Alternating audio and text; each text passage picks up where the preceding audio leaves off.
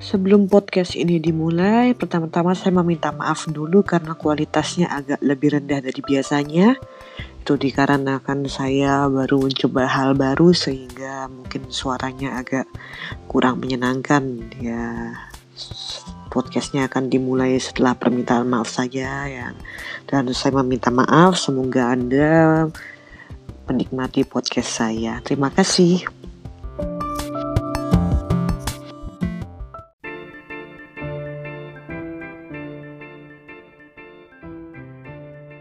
Halo semua, selamat datang di podcast saya. Ini harus kita bicarakan. Di episode ini kita akan membahas lebih daripada membahas lebih condong ke vlog biasa sih dengan judul apa yang harus saya lakukan.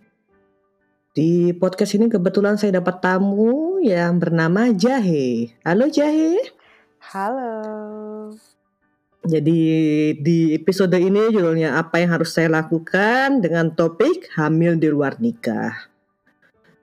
Jadi kita ngebahas hamil di luar nikah dulu. Kalau ada waktu kita bisa ngebahas topik yang lainnya. Jadi Jahe, apa yang Anda lakukan kalau Anda hamil di luar nikah? Um, kalau gue ya, tergantung. Kalau hanya gue hamil di luar nikah sama pacar gue ya, mungkin gue minta ke pacar gue ya udahlah kita nikah aja gitu. Itu soal juga udah mantap-mantap kan ya, lu mau mantap-mantap sama gue juga, masa lu nggak tahu resiko? Iya sih? Iya sih ya, bener. Ini kan? Tapi kan kayak gitu kan tergantung juga situasi ekonomi. Ekonomimu waktu itu bagus atau enggak, kamu udah bekerja atau belum. Ya makanya sebelum mantap-mantap tuh lu mikir dulu sih. Gue, kalau gue kayaknya prepare dulu, at least. Maksudnya prepare gimana ya? Ya, maksudnya gini lah Bu, uh, kita kan ada udah zaman modern ya, bukan manusia purba lagi gitu kan. Ada yang namanya pengaman dalam bentuknya selongsong ataupun bentuk pil. Terus kan setelahnya ada plan B gitu loh Bu. Cuma kan masalahnya kalau pengaman tuh belum tentu 100% benar, 100% berhasil ya. Contohnya kayak selongsongan itu tuh kadang-kadang bocor. Di mana case bocornya tuh lebih banyak juga ya. Jadi kayak 80%, 90%. Iya Ya, kalau pil itu 99%. Cuma kan kadang-kadang orang lupa baru hormonal. Kadang ada beberapa orang nggak bisa minum pil gara-gara dia ada masalah hormon kayak tiba-tiba jadinya berat badan naik pesat atau dia kolesterol hiper hiperkolesterol kalau plan B? Kalau plan B itu lebih safe sih katanya. Kalau menurut secara sumberku yang agak-agak beres itu yang agak kamu tahu lah siapa. Hmm, ya aku tahu nggak tahu pun aku tahu. Ya dia sih bilangnya dia sih bener-bener nggak nyaranin pil KB tapi mungkin orang banyak yang lebih mending pil KB soalnya lebih aman. Soalnya dia bilang mending kamu pakai kondom tapi kamu habis itu kamu plan B karena kebetulan kan emang kalau waktu itu kan aku juga memang ada masalah kan. Mm-hmm. Dan ya padahal kan aku pakai kan bukan buat supaya buat bisa mantap-mantap, cuma supaya teratur halangannya teratur. Cuma katanya dia ya nggak bagus intinya. Cuma ya mungkin tuh buat untuk masalahku aja ya, bukan belum tentu untuk masalah orang lain. Kebetulan mungkin orang lainnya orang lain cocok kayak gitu suar kayak mereka lebih cocok dengan pil KB, bisa juga. Kalau aku kan kebetulan waktu itu emang dia nggak nyaranin soalnya takutnya tambah takutnya bisa kena depresi dan lain-lainnya juga. Atau um, ya lu pakai selongsong dan selamaan selongsong minum plan B gak sih? Maksudnya kayak double double security apa sih double security bahasa gue ya ampun Enggak, enggak juga setiap lu mantap-mantap abis tuh make plan B. Plan B tuh hormonnya lebih kencang daripada pil KB lo ya. Enggak, enggak maksud maksud gue, maksud gue kalau handainya lu ngerasa nih eh misalnya mantap-mantap nih sama sama partner lu lah ya gitu kayak eh kita mantap-mantap gitu. Terus ternyata eh laki lu lupa gitu kan. Aduh, gimana nih bocor atau aduh kok gue lepas di dalam gitu nah setelah itu lu plan B gitu atau kalau lu biarpun biarpun misalnya mungkin lu kan kayak maksud gue gimana ya kayak lu kan nggak mungkin mantap-mantap tiap hari kan ya kalau orang kalau masih awal-awal awal-awal pacaran tuh biasa mata-mata bisa tiap hari. Hmm. Kalau menurut kenalan kenalan gue kayak okay. gitu. Tapi kan dengan waktu mulai bosan dan lain-lainnya, jadi kayak nggak jadi ah, iya mantap-mantap. Iya um, gimana ya? Ya sudahlah gitulah. Kalau misalnya gini aja deh kalau lu tuh udah mantap-mantap ya lu udah tahu konsekuensinya mungkin salah satunya tuh ya udah hamil juga konsekuensi gitu. Itu keputusan kembali kepada individu. Kalau misalnya lu ngerasa ya Allah baru baru se, baru hamil sebulan kayak masih jadi biji wijen mau lu lepas lepas dah. Kalau misalnya lu mau pelihara lu pelihara gitu Iya sih emang. Soalnya gue jadi keingat kebetulan dari narasumberku yang bisa dipercaya itu, yang dia cerita waktu itu kalau nggak salah dia pernah pas lagi jaga di rumah sakit, ada pasiennya itu kayak orangnya tuh dia udah wanita karir, terus dia tuh udah umur di atas 30 kalau nggak salah, dan tiba-tiba pas dia ke OGD ternyata hamil.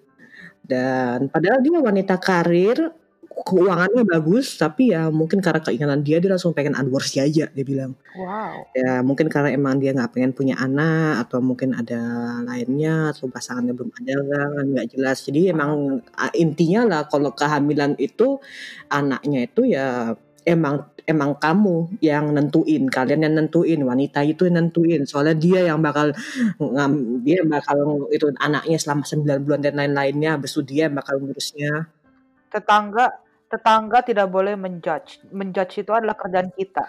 Soalnya banyak soalnya kejadian gitu kalau nggak ada juga kejadian yang di kampungku. Jadi ceritanya itu jadi dia tuh kalau salah anak-anak 17 tahun dia tiba-tiba datang dengan perut yang udah besar ke UGD kebetulan narasumber gue banyak emang banyak dokter.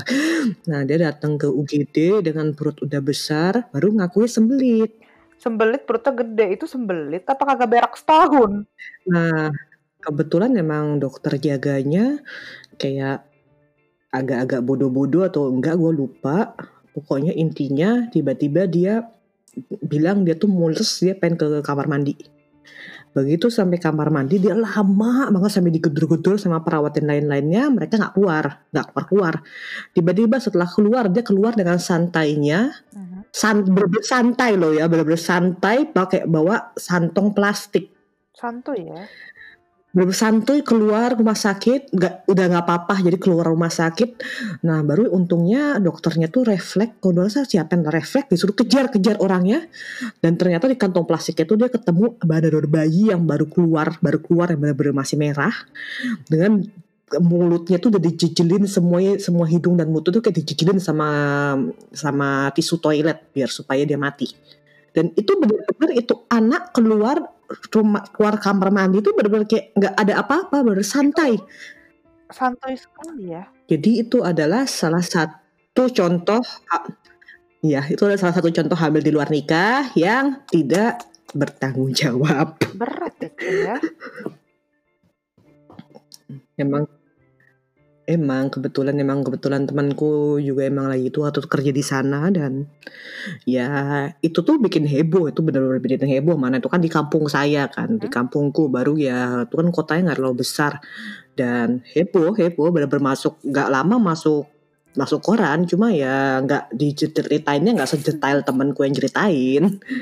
Ya gitulah ya. Maksudnya in, intinya sih kalau menurut gue kalau lu mau mantap-mantap lo harus tahu dulu uh, konsekuensi lo apa dan gimana caranya untuk meminimalisir kesalahan itu terjadi. Itu menurut gue sih. Dan lo harus nyiapin batin dan mental juga kalau seandainya konsekuensi itu terjadi di diri lo. Itu sih menurut gue. Iya emang dan ya harus siap dan kalau emang seandainya seandainya pengen punya anak, kayak emang mau tanggung jawab ya harus kayak dua-duanya tanggung jawab. Kayak cowoknya juga kok memang mau tanggung jawab harus tanggung jawab kayak jadi aku udah kenalan lagi. Kenalan ibu, kenalan. kenalan ibu banyak ya bu ya yang kelakuannya aneh-aneh banget. Emang kalau yang ini jadi anak jadi ceweknya mau nguarin mau eh mau nguarin lagi. nguarin. jadi ceweknya tuh pengen punya anak pengen pengen tetap lanjutin kehamilannya jadi punya punya anak. Tapi cowoknya nggak mau. Kebetulan dua-duanya mungkin agak masih muda ya. Jadi ya ya akhirnya ceweknya paksa terus ceweknya paksa lama kelamaan ya akhirnya cowoknya mau tanggung jawab cowok duanya nikah cuma ya endingnya nggak enak kayak cowoknya kayak nggak mau. Cowoknya cowoknya tuh secara mental belum siap untuk jadi iya ayah. sih.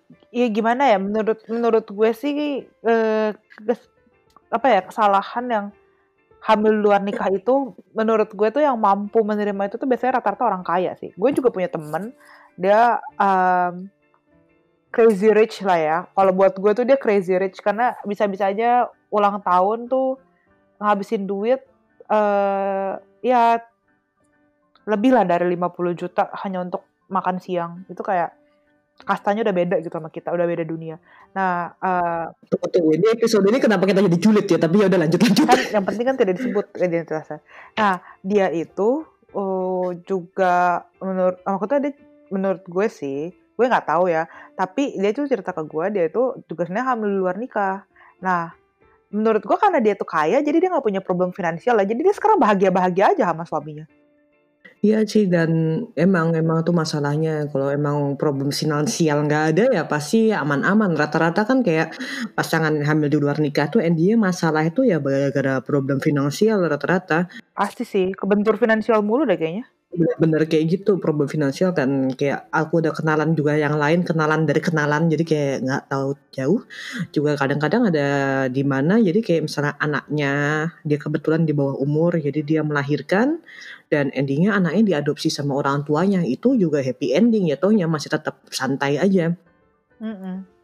Dan ya kadang-kadang cuma ya gimana ya, kadang emang masalah kita tuh kalau orang orang di Indonesia hamil duluan nikah, rata-rata tuh kayak ketergantungannya sama moral ya tuh lebih moralnya. Baru kan orang bilang kayak itu tuh kayak gimana ya kayak itu anaknya jadi kayak ngebunuh orang dan lain-lainnya. Cuma kan ya anaknya ngebunuh orang maksudnya jadi kayak kalau misalnya anak ibunya tuh pengen aborsi kayak semua orang tuh kayak orang-orang pak orang-orang heboh. Kayak bilang itu nggak boleh itu nggak sesuai agama itu masalah. Ya itu masalahnya yang ngomong tuh ya mau biayain kita gak kalau nggak mau biayain kita mending diem dah tapi kan mereka kan kadang-kadang kan ada yang kayak gitu kan cuma ya cuma habis itu juga ya Eh, sorry sorry gue lanjut dulu lah. Kamu bilang apa dulu? Gak, apa-apa. Jadi ya baru kamu ingat juga kan RUU yang gak jauh ya dia atau enggak sih yang dia bilang kok aborsi bahkan dokter yang ngebantu aborsi juga bakal dipenjarakan atau dipidanakan aku lupa.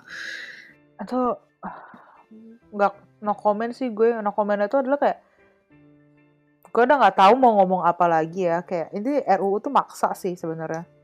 Kayak Terus kalau seandainya ada ibu-ibu yang dia terpaksa harus aborsi. Karena kalau nggak ada aborsi janinnya akan mengganggu eh janinnya si ibunya tuh kesehatannya akan terganggu gitu. Kan mau nggak mau kan harus ada maksudnya kayak gue tetangga gue tuh ada yang kayak gitu gitu loh. E, si tetangga gue itu dia hamil e, tapi ternyata kehamilan dia itu bisa menyebabkan nyawa dia terancam. Pilihan jalan terbaiknya itu adalah mengaborsi si janin tiga bulan itu maksudnya. Ya gimana ya? Lu kan kita nggak bisa nyelamatin dua-duanya ya harus pilih salah satu. Menurut gue sih lebih baik menyelamatkan yang sudah nyata gitu sudah ada yang maksudnya si ibu itu kan nyata ya. Sedangkan kalau misalnya uh, si bayinya itu lahir pun dokter juga bilang dia nggak tahu apakah bayinya itu survive karena juga ada gangguan dalam perkembangannya. Ya gimana ya? Hidup itu adalah pilihan dan pengorbanan ya harus ada yang dikorbankan Gua mau jawab tuler kok di RUU yang dicalonkan itu kalau secara kesehatan kayak itu dia dilegalin tuh ya. Boleh diaborsi. Oh. Jadi kayak orang banyak salah kaprah kan juga awalnya mira kita ngiranya kan kayak semuanya tuh nggak boleh tuh ya boleh boleh kok aku pernah baca kok nggak salah sampai oh, jelas gitu. kok tuh boleh juga kok diaborsi cuma -huh. ya yang nggak boleh tuh kayak hamil yang nggak ada masalah baru bukan karena masa depannya dia baru kayak gimana ya gimana ya? Kayak masa depan bukan karena keinginan kalau cuma gara-gara keinginan nggak punya anak tuh nggak boleh aborsinya. Tapi kalau ada masalah kesehatan atau apa ya boleh tetap ya intinya kalau buat gue my my body my own choice Nah itu sih gue setuju tuh yang itu kan. Cuma masalah orang Indonesia kan banyak yang nggak bisa kayak gitu. Baru tambah lagi orang tuanya. Hmm. tambah juga masalah kamu kalau aborsi itu kadang-kadang tergantung aborsi berapa bulan dulu. Kalau yang di bawah tiga bulan bukan sih? Aku agak lupa. Masa di bawah tiga bulan itu emang nggak apa-apa sih. Itu masih boleh kan? Itu masih dibolehin. Cuma setelah tiga bulan kan nggak boleh karena emang masalahnya bisa wanita yang hamil itu juga bisa punya masalah kesehatan lainnya. Eh, menurut menurut gue kalau udah lebih dari tiga bulan tuh kayak ya udah sih udah tuh lu pelihara aja sih tuh gimana ya? Udah kepalang tanggung gitu tuh mendingan dipelihara. Iya. Ya paling enggak lah dikasih adopsi biasanya orang lain adopsikan bisa. Iya, gitu. Kalau lu nggak iya bener bener. Kalau misalnya lu ngerasa kayak nggak bisa bakal ngerawat itu bayi, mending lu serahkan ke adopsi sih, kayak sowieso lagian juga banyak pasangan-pasangan luar sana yang nggak bisa punya anak dan pengen punya anak. Banyak kok, banyak banyak. Kalau yang masih bayi itu malah masih lebih gampang diadopsi soalnya kan orang-orang yang mau juga. Masalahnya kasihan tuh ya orang anak-anak yang udah gedean kan biasanya orang nggak mau adopsi. Benar benar banget. Kalau misalnya masih bayi banyak kok, kadang-kadang malah kayak di bidannya sendiri udah janjian kalau janjian. Jadi bidannya kayak nyariin orang lain lah, eh, orang buat adopsi dan lain-lain, kadang-kadang ada kayak gitu. Bener banget, itu juga. Itu kayak, eee, lu pernah denger ini gak sih film Dua Garis Biru? Gue gue tertarik buat nonton, belum nonton sampai sekarang.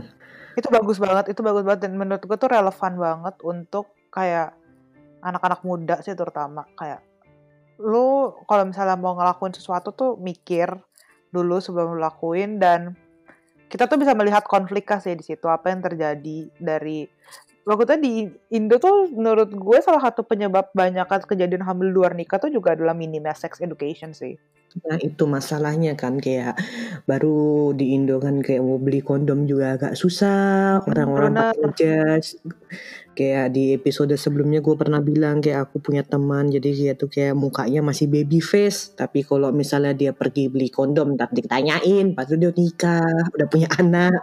Ih, jangankan beli kondom, jangankan beli kondom ya, gue mau imunisasi berulang aja.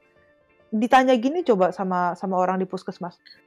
Kalau kalau emang kamu mau nikah baru bisa imunisasi berulang, kalau enggak nggak boleh. Maksudnya gue kan imunisasi kan karena pengen sehat ya, bukan karena gue pengen nikah. Terus masa gue mesti nunggu nikah dulu baru bisa imunisasi? Yang bener aja dong. Ibu, begini ya, masalahnya orang imunisasi itu nggak buat terlalu jering juga satu. Kedua emang kalau buat TT itu tetanus kan? Bukan, bukan imunisasi yang jadi tuh ada imunisasi imunisasi dasar tuh harus diulang setiap 10 tahun sekali. Gue waktu di Iya, nah gue waktu di tempat gue itu tuh gue uh, lupa buat imunisasi sebelum gue balik dan gue kayak mikir ya udahlah gue juga bayar uh, bayar BPJS kan di Indo, kenapa gue nggak pakai gitu gue mikirnya. Maksudnya maksud gue kayak maksud gue gini uh, itu tuh yang nggak ada hubungannya gitu ke kondom atau ke maksudnya yang menurut orang Indo tuh tabu gitu. Itu aja tuh kayak masih agak gue tuh kayak ngerasa didiskriminasi sih sebagai orang yang kayak belum mau menikah. Terus lu mau mendapatkan kemudahan-kemudahan atau mau mengakses sebuah fasilitas yang dikhususkan lah gitu istilahnya untuk orang-orang yang akan menikah atau mau menikah itu kayak terus jadi kalau gue misalnya belum menikah gitu nggak bisa gitu gue misalnya mengakses uh, apa namanya uh, birth control atau mengakses um, dokter kebidanan. Kan gue kan juga mau periksa misalnya kalau gue mau periksa kesehatan rahim gue gitu terus gue mesti hamil dulu atau gue nikah dulu baru bisa gue pergi gitu. Nah itu masalah kok di Indo emang gitu. Dan kan kok di sini itu harusnya aku sih pernah baca kalau nggak salah emang kalau buat ginekolog dan bidan tuh sebagusnya emang orang itu harus begitu dia udah mulai alat reproduksinya aktif itu memang lebih bagusnya ke bidan. Apalagi untuk orang yang di atas 25 tahun itu aku pernah ketemu di bidan sini itu harus masih dilihat rahimnya buat kalau lihat ada kanker atau enggak. Uh-huh. Dan emang harus rajin ke bidan sebenarnya. Cuma kan orang kan takut kan ke bidan, orang mikir ke bidan pasti gara-gara hamil, padahal bukan karena harus hamil dan udah nikah juga. Bahkan ya orang yang belum nikah juga harus rajin buat ngecek, soalnya emang kadang-kadang ada masalah mulai dari kanker lah, mulai dari ada apa tuh istilahnya aku lupa. apa tuh? Polip, Pokoknya polip, eh, polip, polip. Polip, polip. Ya, polip atau kadang-kadang ada yang kista banyak loh kalau di Indonesia tuh kista orang soalnya kan kayak benar benar benar banget. Kista tuh banyak uh, banget di bagian rahimnya tuh banyak banget orang. Benar banget.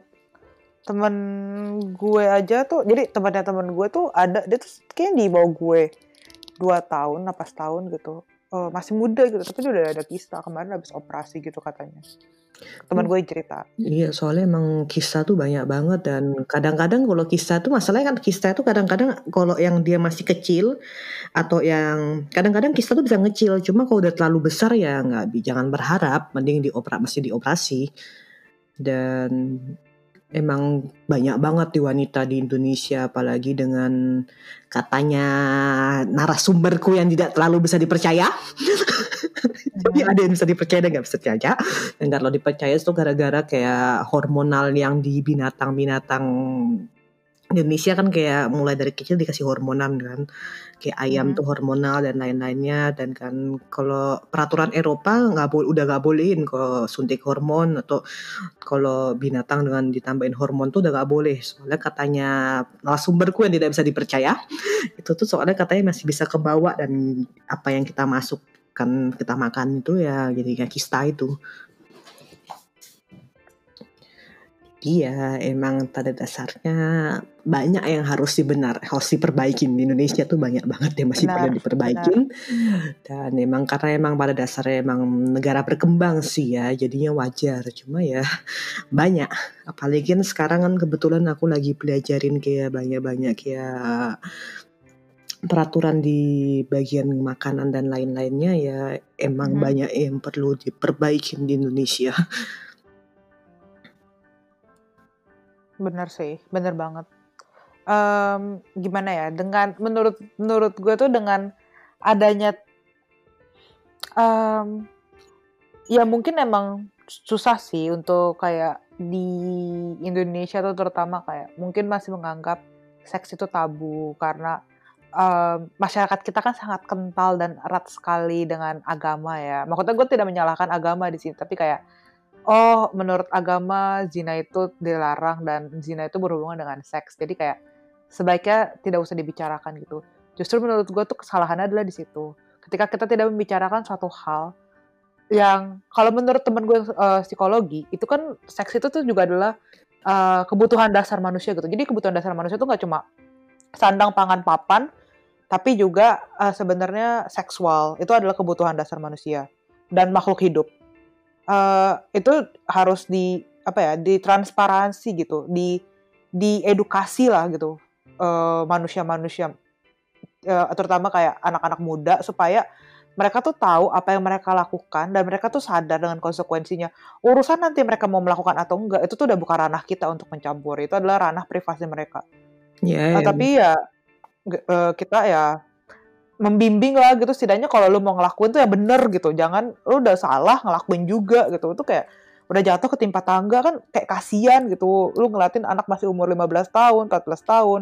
Ya mungkin secara fisiknya tuh udah mateng udah bisa. Tapi secara mental dan psikologisnya belum. Kayak lu nggak kasihan apa ngeliat mereka misalnya hamil luar nikah hanya karena ya oke okay, mereka mantap-mantap itu salah. Tapi kita membiarkan uh, mereka bukan membiarkan mereka melakukan sih tapi kayak tidak mengedukasi mereka tuh lebih lebih sedih sih itu aja sih kalau mana mana kalau hamil di luar nikah iya kalau yang korban pemerkosaan juga kadang-kadang malah disuruh nikah sama pemerkosanya padahal Benar, itu kan malah jahat bikin banget. itu benar sangat banget. jahat itu jahat banget emang jatuhnya itu menurut gue jahat banget untuk orang-orang yang terutama orang tua lagi yang ngebiarinin anaknya misalnya dia diperkosa sama pamannya sendiri kayak mau itu dari keluarganya atau tetangganya.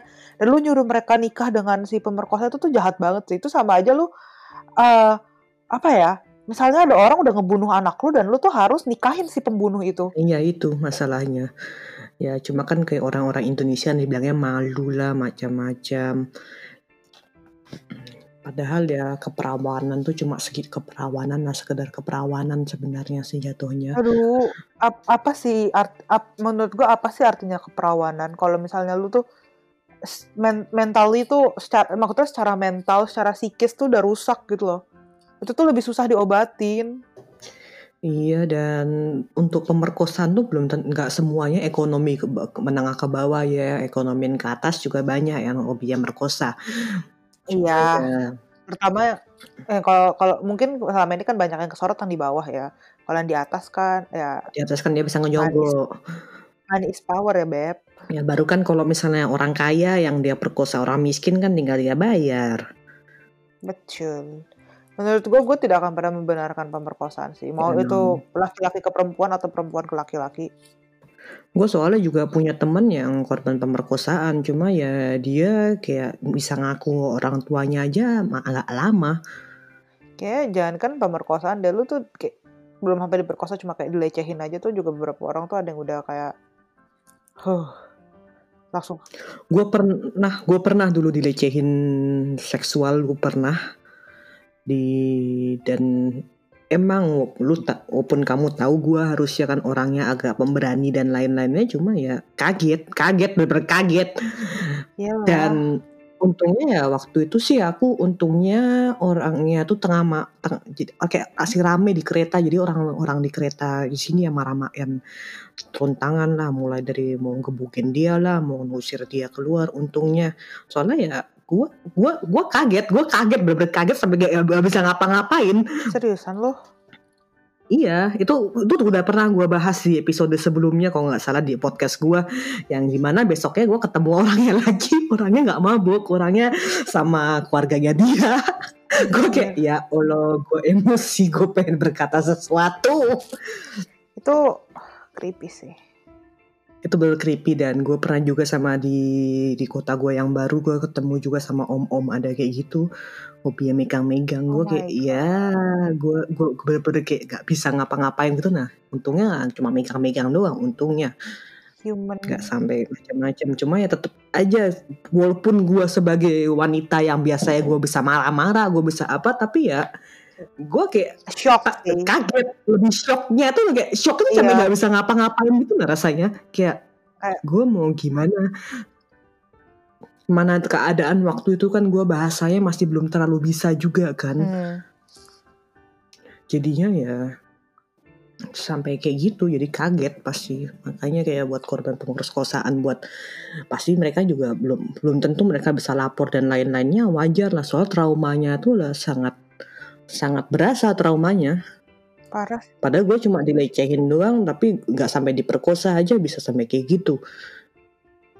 Makanya kayak apalagi untuk kayak yang korban-korban pemerkosaan dan mereka tuh berani untuk ber, apa kayak speak up itu gue appreciate benar-benar udah luar biasa gue benar luar appreciate biasa. kayak siapa pun mereka itu gue appreciate sih. Iya. They are heroes. Kita ini top. Kita topiknya agak ngalor, ngalor ngidul tapi ya tetap apa yang harus kita lakukan jadi nggak apa-apa Hmm. ya kita masih durasinya udah mau kena Mhm. jadi mungkin kita stop lagi mungkin ntar ke depannya saya akan ngundang jahe lagi karena ini katanya sangat menyenangkan diskusi dengan dia Makasih, makasih. Ih seneng loh. terima kasih banyak ya jahe Sama-sama. dan gara-gara kamu juga aku menjadi tidak formal Emang biasanya formal? Menurut, menurut gue ini kayak rada-rada formal juga gak sih? Eh, atau enggak ya? ya biasanya lebih formal lagi aku Oh ngomongnya gitu? nggak bisa Iya makanya mak terima kasih Jahe sudah datang jauh-jauh setelah saya teror udah berapa hari. Iya gila gue diteror mulu untuk ngisi acara. Tapi gak apa sih, gue seneng sih. Gue karena gue jujur orangnya emang suka banget ngomong gitu, suka banget ngobrol. Iya. Jadi ya, Soalnya para sumbernya lain gak mau. mungkin mungkin setelah setelah ini nanti gue bakal jadi featuring sama lu sering-sering deh kayaknya. Katanya sering untuk yang apa yang kita harus lakukan karena kalau yang topik yang satunya agak pengen aku pengennya tetap tetap tetap stay di topiknya gitu jadi nggak bakal ngalur ngidur. Hmm, Oke oke. Jadi terima kasih akan kita sam- terima kasih kepada Jahe dan terima kasih juga sudah dengerin dan sampai jumpa di episode selanjutnya.